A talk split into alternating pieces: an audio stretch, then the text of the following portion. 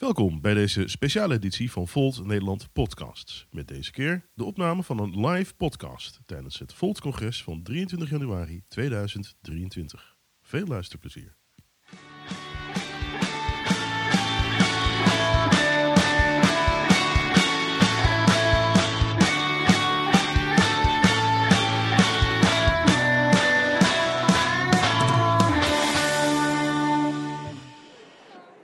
Goedemiddag iedereen hier aanwezig op het fantastische Vol- Volt-congres.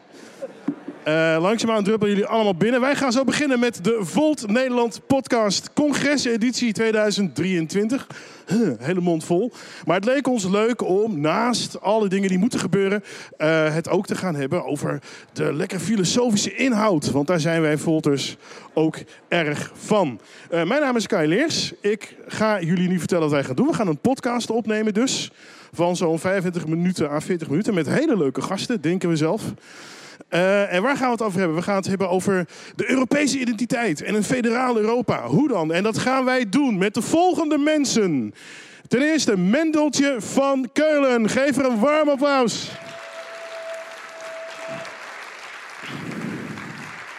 En de volgende is Arend Jan Boekenstein. Geef ook een applaus. En wie kent haar niet? Marieke Koekoek.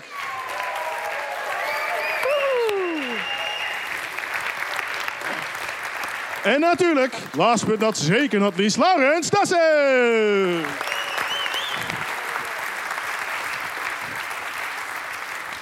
Nou, ik zal je, eh, ik zal je eh, een paar mensen voorstellen. Het, eigenlijk hoeft dat bijna geen introductie natuurlijk. Maar eh Mendeltje van Keulen is lector aan de Hogeschool van eh De Haag van Amsterdam. De, Ha- de Haag. Haag, ja. De Haag. Ehm, eh, fellow aan Montesquieu Instituut, schrijver van het boek Retour Brussel, onderzoeker voor het ministerie van Buitenlandse Zaken. Dat maakt wel dat we een klein, een klein voorbeeldje gaan maken dat ehm, normatieve uitspraken, die eh, zal Meltje niet doen vanwege haar werkzaamheden, maar ze kan heel veel vertellen over hoe dingen in Brussel werken, hoe Nederland daar werkt aan Europa, et cetera.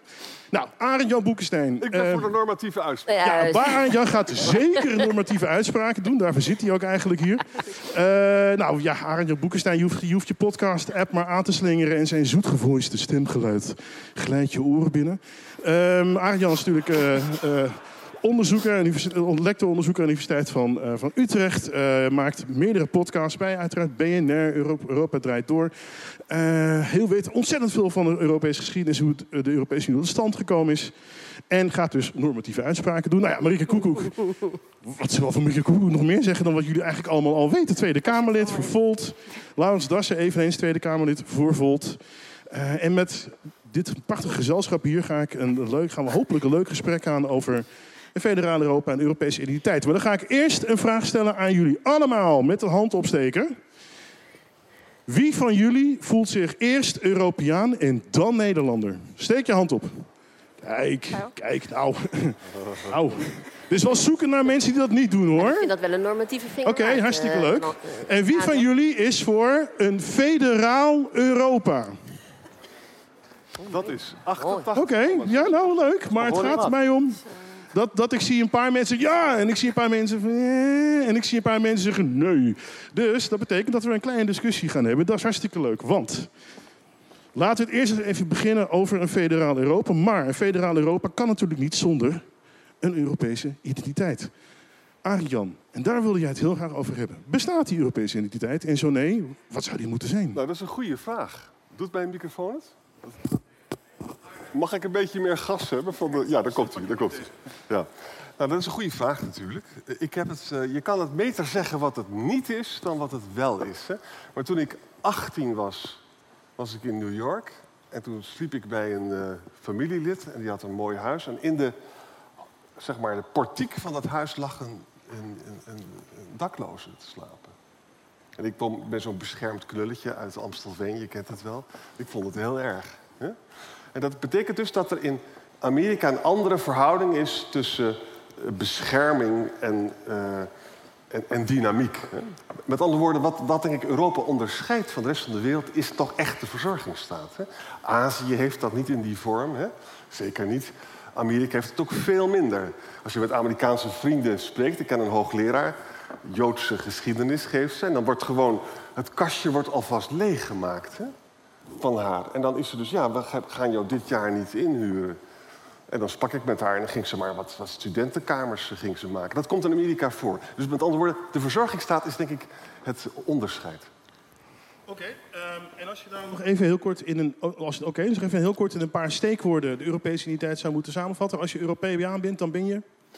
Als je Europeaan bent, dan vind je het voor dat de zwakkeren moeten worden geholpen. En je bent je ook bewust, dat is ook de tweede component, dat, de, dat valt niet te ontkennen. De verlichting is een Europese aangelegenheid. Verzorging staat in verlichting, hoor ik. Mendeltje. En dat is ehm, twijfel. Ja, het is, het, is, het is mooi om over na te denken. Ik denk vooral het, uh, het multiculturalisme. Dus het idee dat je...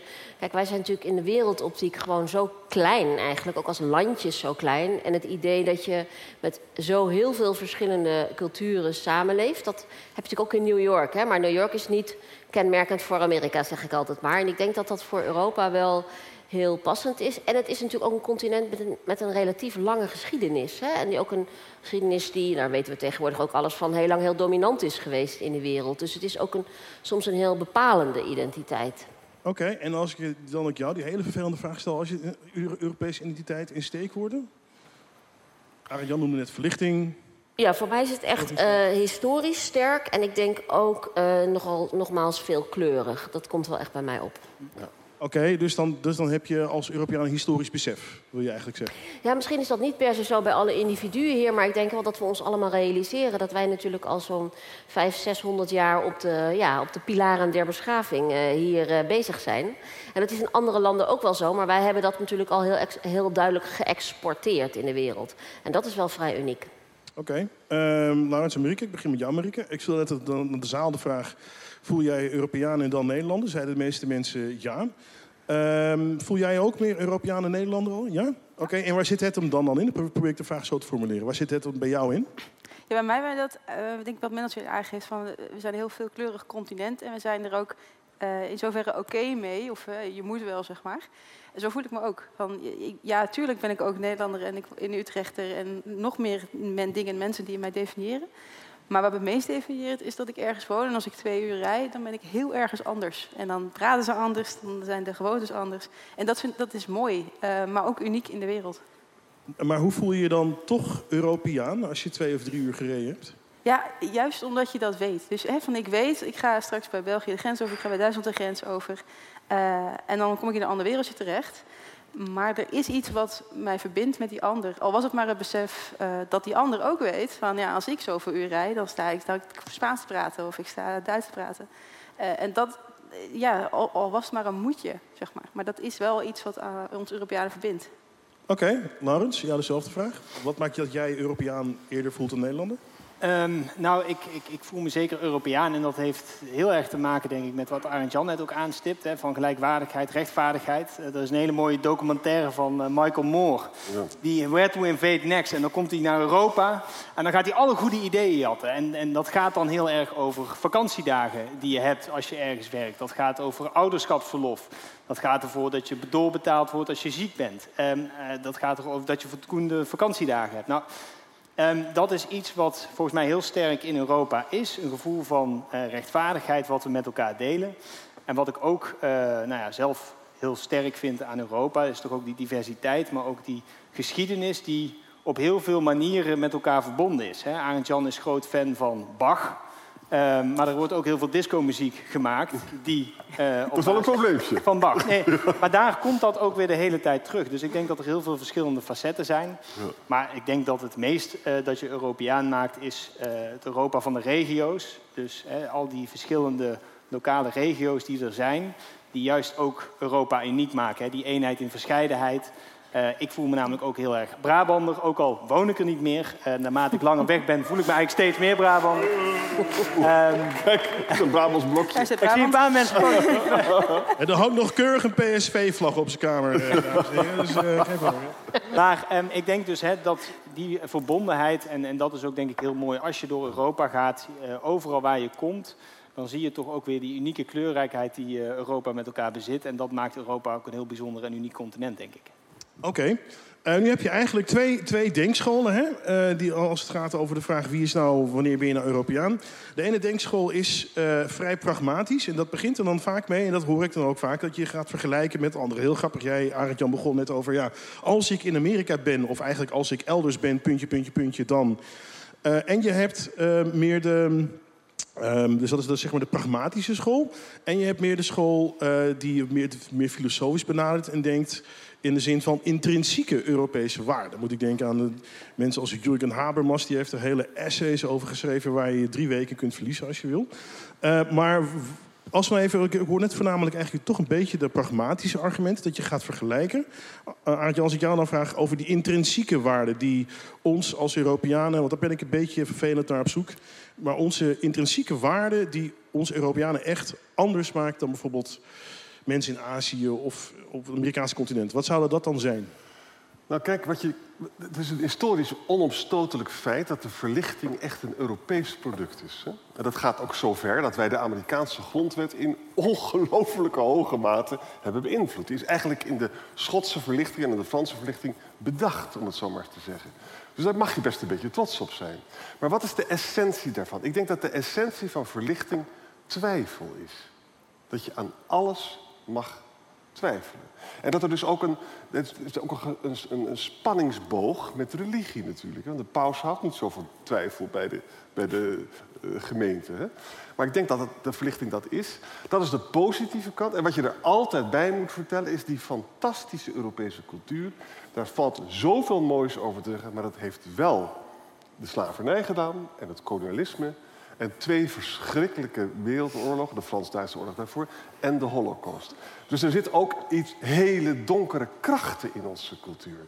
Die er overigens iets mee te maken hebben dat het niet mogelijk was om Europa uh, te verenigen, anders dan militair. En dat is dan ook nog mislukt, hè? Napoleon en Hitler. Dus de diversiteit van Europa, die er onomstotelijk is. Hè? Hofstede zegt, mensen in Portugal, dat is toch echt iets anders dan mensen in Polen. Hè?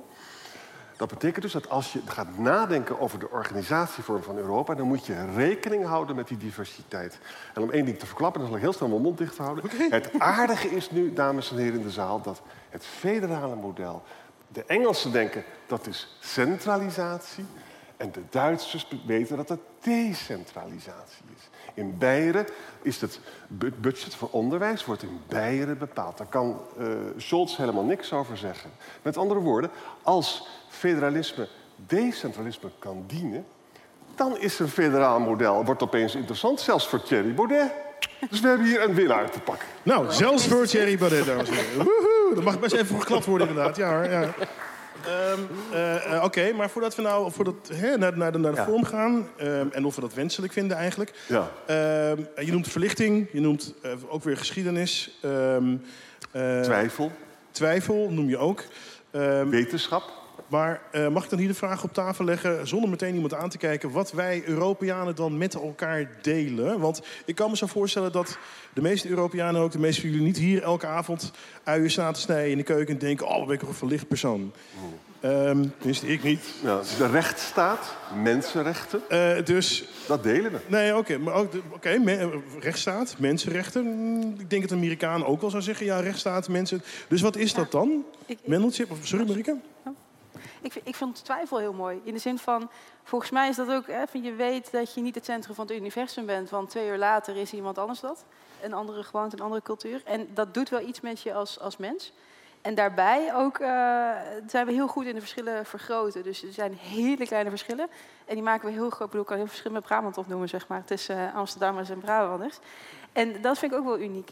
Um, dus dat is denk ik wel wat, wat Europeanen met elkaar verbindt. Een pragmatisch van ja, ik moet met iemand die anders denkt, anders doet, om kunnen gaan. Want anders nou, ja, hebben we een vreselijke oorlog bijvoorbeeld. En tegelijkertijd ook wel heel erg vasthouden aan van dit maakt mij op mijn kleine postzegel uh, echt mij. Uh, dat, dat bij, bijna twee splitsing in, uh, in hoe je je voelt. Oké, okay, dus openstaan voor, voor anderen. Oké, okay, die ook genoteerd. Laurens? Nou ja, ik denk wat heel kernachtig is voor Europa, is toch die, die gelijkheid, die gelijkwaardigheid, eh, dat rechtvaardigheidsgevoel en dat uh, belang van de rechtsstaat, onze democratie. Waarin heel Europa voor wordt opgekomen, wat we allemaal ontzettend belangrijk is. Waarin je ook ziet dat op het moment dat dat in landen als eh, Hongarije of in Polen onder vuur komt te liggen, dan zie je eigenlijk vanuit heel Europa, ehm, ongeacht eh, welke partij, zie je eigenlijk opstaan om te zeggen: dit kan niet, dit accepteren wij niet. Wij zijn één waardegemeenschap en de democratie en de rechtsstaat zijn daar het fundament van. En daarin zie je dus dat er een hele sterke verbondenheid zit in de manier waarop wij onze samenleving georganiseerd hebben. Zo is het. En kun jij, uh, Mendeltje, iets zeggen over hoe daar bijvoorbeeld in Brussel naar gekeken wordt, naar deze hele discussie? Ja, vanuit dat perspectief zat ik ook net te denken. Kijk, voor mij is het beeld als bestuurskundige een vergadertafel waar 27 mensen aan zitten. Heel, eh, op heel veel plekken in Brussel zitten 27 mensen te vergaderen.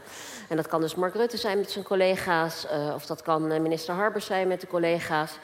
Um, vanuit het kabinet, maar ook ambtenaren, ook ambassadeurs. En wat mij, ik ben veel bij die zalen, ik lees veel over die zalen. En ik denk altijd, het is, het is echt fascinerend. Ik heb er zelf ook wel eens gezeten.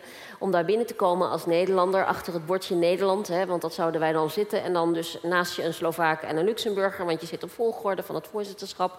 En je zit daar en op dat moment moeten er besluiten worden genomen. En dat gebeurt bijna altijd bij consensus. Dus ondanks alle beelden die we natuurlijk wel eens horen op televisie over veto's. En met de vuist op tafel slaan. Uiteindelijk komen we er daar die 27 uh, uit. Op, op, enorme belangrijke gebieden, ook in de wereld, op klimaat, op handel. En dat vind ik uh, echt fascinerend. Ook het feit dat we nu, we vieren vandaag het Frans-Duitse vriendschapsverdrag, dat we zover zijn gekomen in zo'n korte tijd, historisch gezien. Uh, ja. Arend Jan weet dat eigenlijk veel beter, maar het idee dat je in zo weinig tijd zo'n unie hebt gesmeed met 27 waarbij je echt even naar de Fin moet lopen of even naar de IR moet lopen en zeggen: zullen we even naar artikel 4 kijken? En uh, wat vind jij, kunnen we uitruilen voor de definitie uh, van chemische plastics of iets dergelijks? Ja, dat is verbijsterend en het werkt. En daar ben ik, dat is echt wel mijn beeld nu van de Europese Unie en van diversiteit, maar inderdaad eenheid in verscheidenheid. Een optimistisch beeld. We, we, we vechten elkaar vergaderzalen uit, niet meer loopgraven uit. Dus op zich vooruitgang, denk ik. Maar de eenheid met de Oekraïne-oorlog is toch nog steeds gebleven. Het wordt nu heel link, hè? Mm -hmm. Het is toch een onvoorstelbare ja. prestatie van de westerse wereld, maar ook van de EU. Wat ze nu met. Kijk, ik zou wel graag willen dat Scholz nog even omgaat. Maar en de besluiteloosheid van Duitsland in deze is uh, dan wel weer frustrerend. Maar ja. het is inderdaad uniek dat bij de inval, uh, na de inval van Oekraïne, dat alle landen eigenlijk meteen achter Oekraïne gingen staan en steunpakketten op tafel kwamen, sancties op tafel kwamen, die eerder onbespreekbaar waren en die toch heel snel afgestemd werd. En dat zie je ook in het Nederlands parlement. Hè. We hebben daar veel mee te maken. Ja. Uh, zie je ook dat er heel erg gekeken wordt naar wat kunnen we met andere landen doen? Hoe kun je samen als Europa blijven optrekken? Ook als het gaat om energievoorziening, de afspraken die daar gemaakt zijn met het gezamenlijk inkopen van gas. Is het voldoende? Nee, nog lang niet. Wat ons betreft zou er nog veel meer moeten gebeuren. Um, nu is het onder druk van de verschrikkelijke oorlog in Oekraïne. Um, maar ja, het laat wel zien dat er nog heel veel meer mogelijk is om die samenwerking op te zoeken. En nou ja, wat de Europese Unie nu heeft laten zien, dat is eigenlijk een, een blauwdruk voor de toekomst. Hoe het zou moeten gaan ook uh, op het gebied van andere uh, zaken. Ja, ik vond wat ik, wat ik ook heel mooi vond. Het zat niet alleen in die instellingen en die landen en de partijen, maar het zit ook heel erg in de mensen. Dus ik vond het heel mooi wat je er verder ook nog van vindt. Maar dat eigenlijk ook iedereen in Nederland zei: Oekraïnse vluchtelingen, natuurlijk gaan we die opvangen. Voor mij, bij mij op uh, twee hoog, zeg maar, neem ik iemand op. Dus het zat heel erg in de mensen van: hé, hey, wij, worden, wij worden aangevallen. Dus niet uh, Oekraïne, maar onze waarden.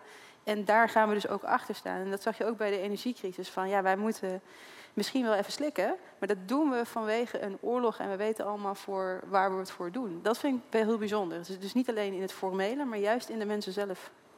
Oké, maar toch, uh, uh, Jean Monnet, zoals u meestal natuurlijk wel weet, uh, een van de oprichters, tenminste een van de ja, theoretische oprichters, laat ik het dan zo zeggen, van wat de heden vandaag de Europese Unie is, die zei ooit heel fameus. Uh, Europese Unie ontstaat eigenlijk door crisis. Hè? Dus elke keer komt er een crisis, er komt, of vanwege een crisis komt er een oplossing en komt er een volgende crisis. En dan, nou, dat is hier natuurlijk een perfect voorbeeld van. Um, uh, Arend Jan, jij, jij, begon het, je schraagde net al aan een discussie over federaal Europa, hoe dan en wat dan. Uh, zal ik dan maar meteen die vraag op tafel leggen, um, als het dan steeds is dat wij vanuit crisis moeten handelen. Uh, maar laat ik beginnen bij Laurens en Marieke, of eigenlijk Marieke en Laurens. Um, een federaal Europa, daar zegt Volt ook iets over in het beginselprogramma, in het verkiezingsprogramma. Maar wat bedoelen we daar eigenlijk mee als we het hebben over een federaal Europa? Hoe ziet het er dan uit? Moeten wij wel een beetje hetzelfde antwoord nu geven? ja, dat is het leuke, kijken wat er gebeurt. Jij vult aan. nou, ik denk, oké. Ik zou als eerste noemen van wat, wat moet een federaal Europa hebben? Um, natuurlijk samenwerking, ja, maar dat zit in, in federaal. Maar dat je dat op een uh, gelijkwaardige manier doet. Dus het, het, verder democratiseren van onder andere de instellingen, maar natuurlijk ook gewoon van hoe wij Europese politiek bedrijven. Dus dat is ook het vetorecht afschaffen, maar dat is voor mij bijvoorbeeld de transnationale lijst vind ik heel belangrijk. Dus dat je echt als Europeaan op een andere Europeaan kan stemmen. Uh, want dat is een soort democratie. En dat vond ik heel mooi, dat gaf je net mooi aan, Arend over de verlichting. Die is daar ontstaan. En als we nu naar Europa kijken, dan is die wat minder sterk aanwezig dan nationaal vaak. Nou, dat is voor mij een federaal Europa. Dat je dus zelf direct uh, zeggenschap hebt als uh, ik als Nederlander over hoe gaat het met Europa. En dat moet een, een Duitser en een, een Pool ook hebben. Nou ja, zeker. Dus dat je toewerkt naar die Europese parlementaire democratie. Want dat is uiteindelijk waar we met Volt naartoe willen. En ik vind het mooi dat Marieke uh, meteen de transnationale kieslijst noemt. Want dat is een hele belangrijke eerste stap. Um, Damian, onze Europarlementariër, die is daar uh, de afgelopen jaren is hij daar eigenlijk heel druk mee bezig geweest als een van de initiatiefnemers om te zorgen dat er dus bij de aankomende Europese verkiezingen transnationale kieslijsten zouden komen. Um, wij kregen dat voorstel in Nederland uh, uh, op de agenda. Uh, en ik samen met Marieke natuurlijk vol goede moed van... Hè, we gaan eindelijk die Europese democratie dichterbij brengen... doordat er richting gegeven gaat worden tijdens die verkiezingen... en dat partijen kleur moeten bekennen. Um, ik, sta daar in, uh, of ik zit daar in het debat en nou ja, eigenlijk van verbazing naar verbazing. Um, want uh, we hebben het allemaal in het parlement over het belang van die Europese samenwerking, over de energietransitie, op het gebied van veiligheid.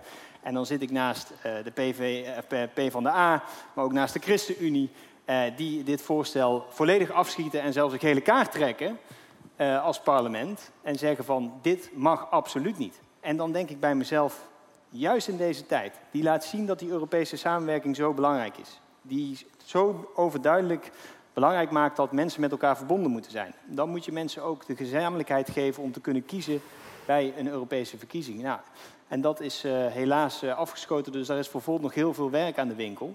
Um, maar het is natuurlijk ook een, een belangrijke stap, is het uh, afschaffen van de spitsenkandidaten.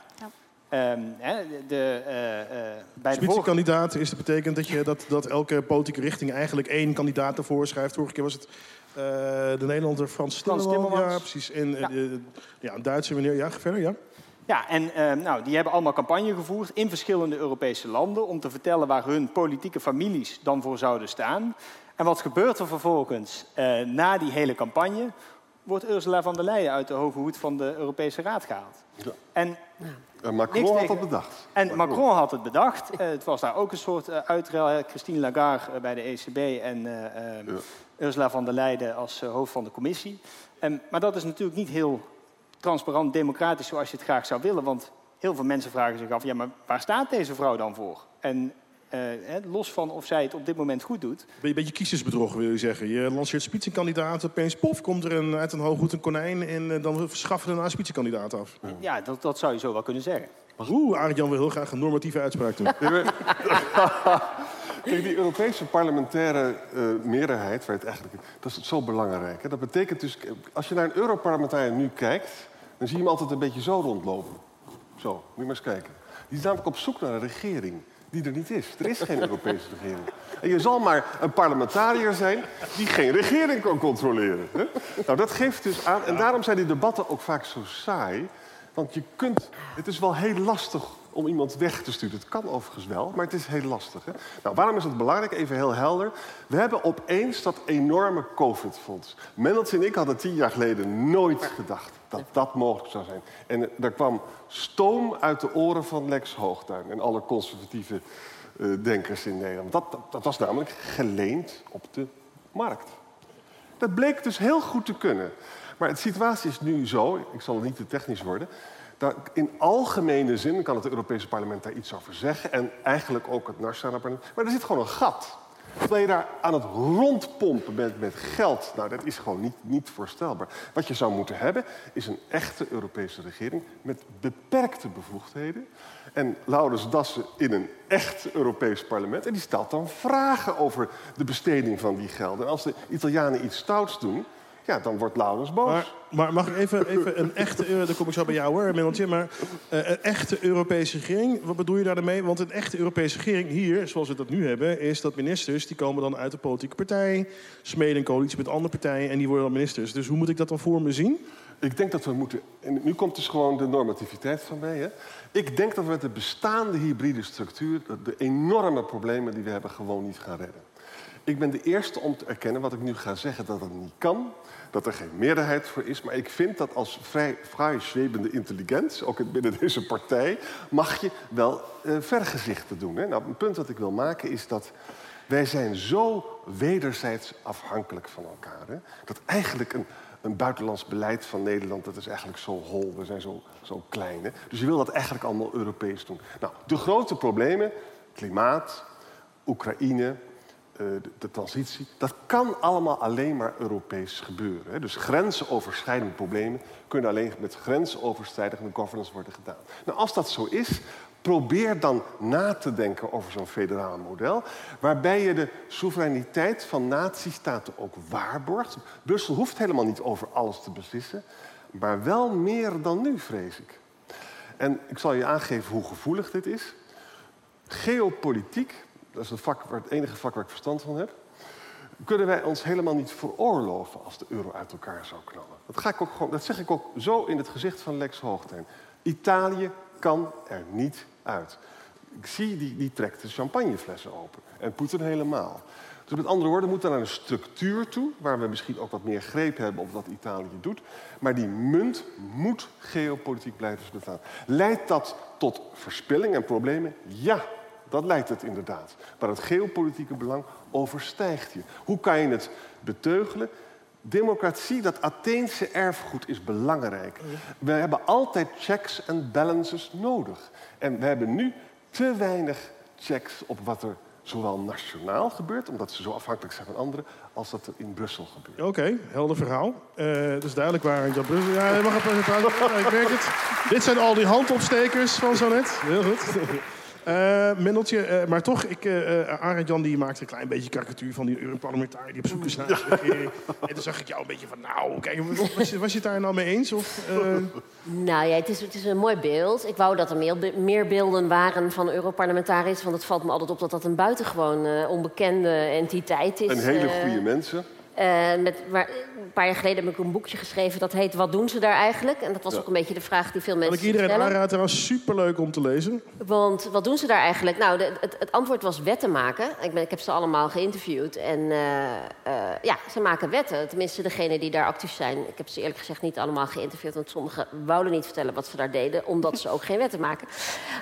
Dat is dan weer een beetje jammer. Maar daar moet dus publieke, en dat ben ik het helemaal eens met, met wat hier gezegd wordt. Er moet publieke controle op zijn. En publieke controle begint met zichtbaarheid. En het feit dat ik dat boekje heb geschreven. Ik, ben, eh, ik zeg het maar steeds aan, aan deze fantastische tafels. Omdat ik er niet mee in de media kwam. Want bij de talkshow-redacties zeiden mensen: Oh, wat staat er over Europa? Oh nee, nee, nee, nee, nee. nee. Nee, we doen geen Europa aan talkshow-tafels. Want op dat moment dat ik dat bij Jinek of bij Bo agendeer, dan zapt iedereen weg. En dan kom je natuurlijk een beetje in een visueuze cirkel. Want als het nooit bij de talkshowtafels komt, ja, dan komt het vaak niet tot de mensen. En, en dat is wel een beetje ingewikkeld met dat werk wat daar gebeurt.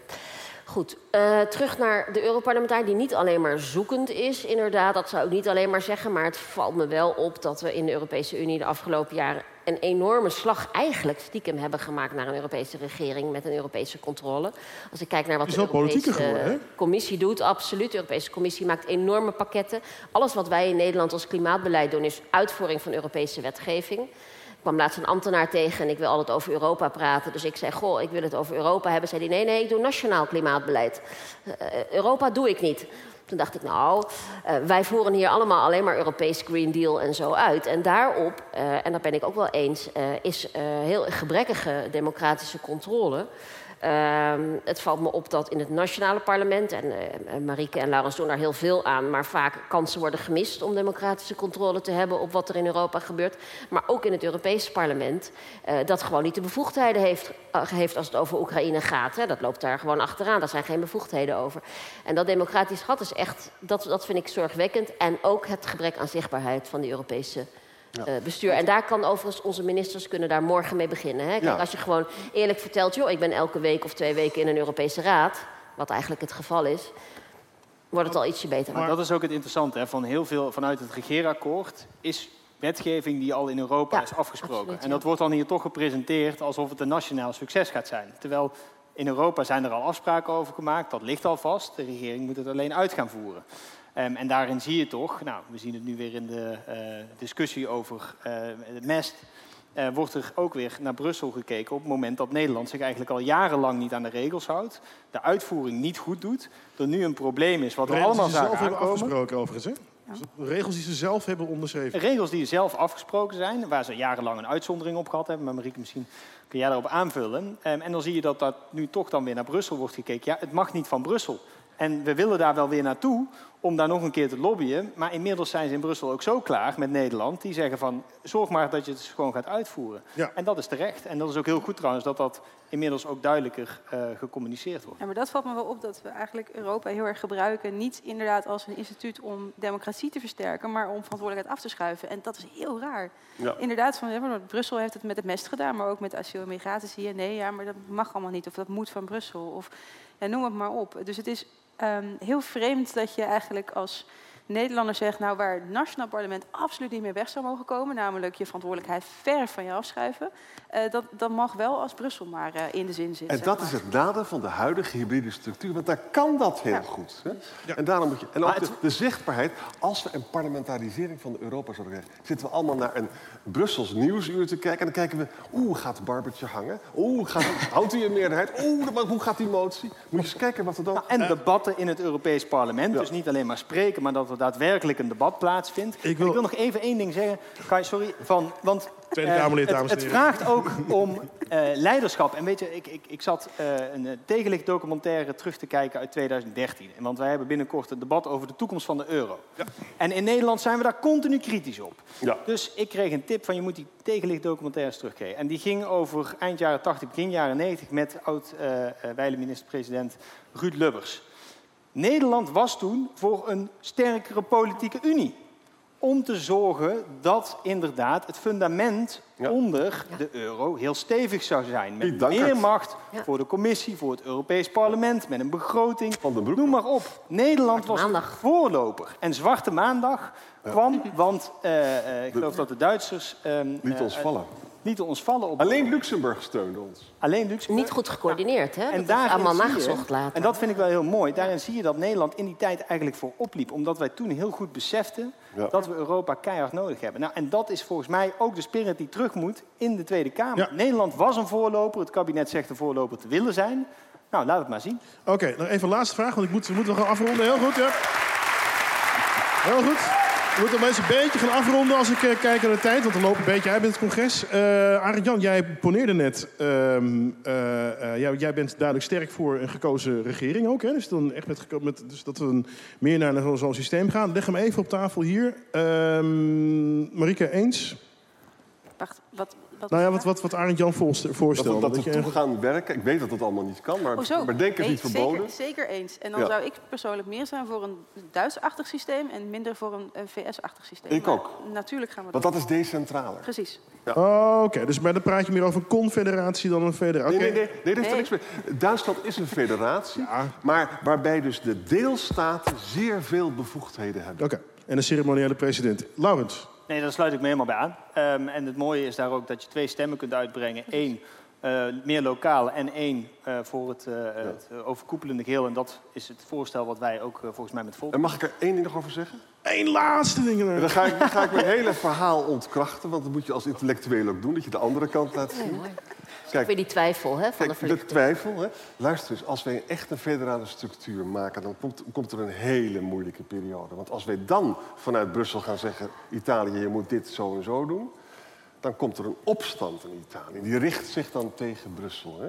Dus het is een hels moeilijk proces.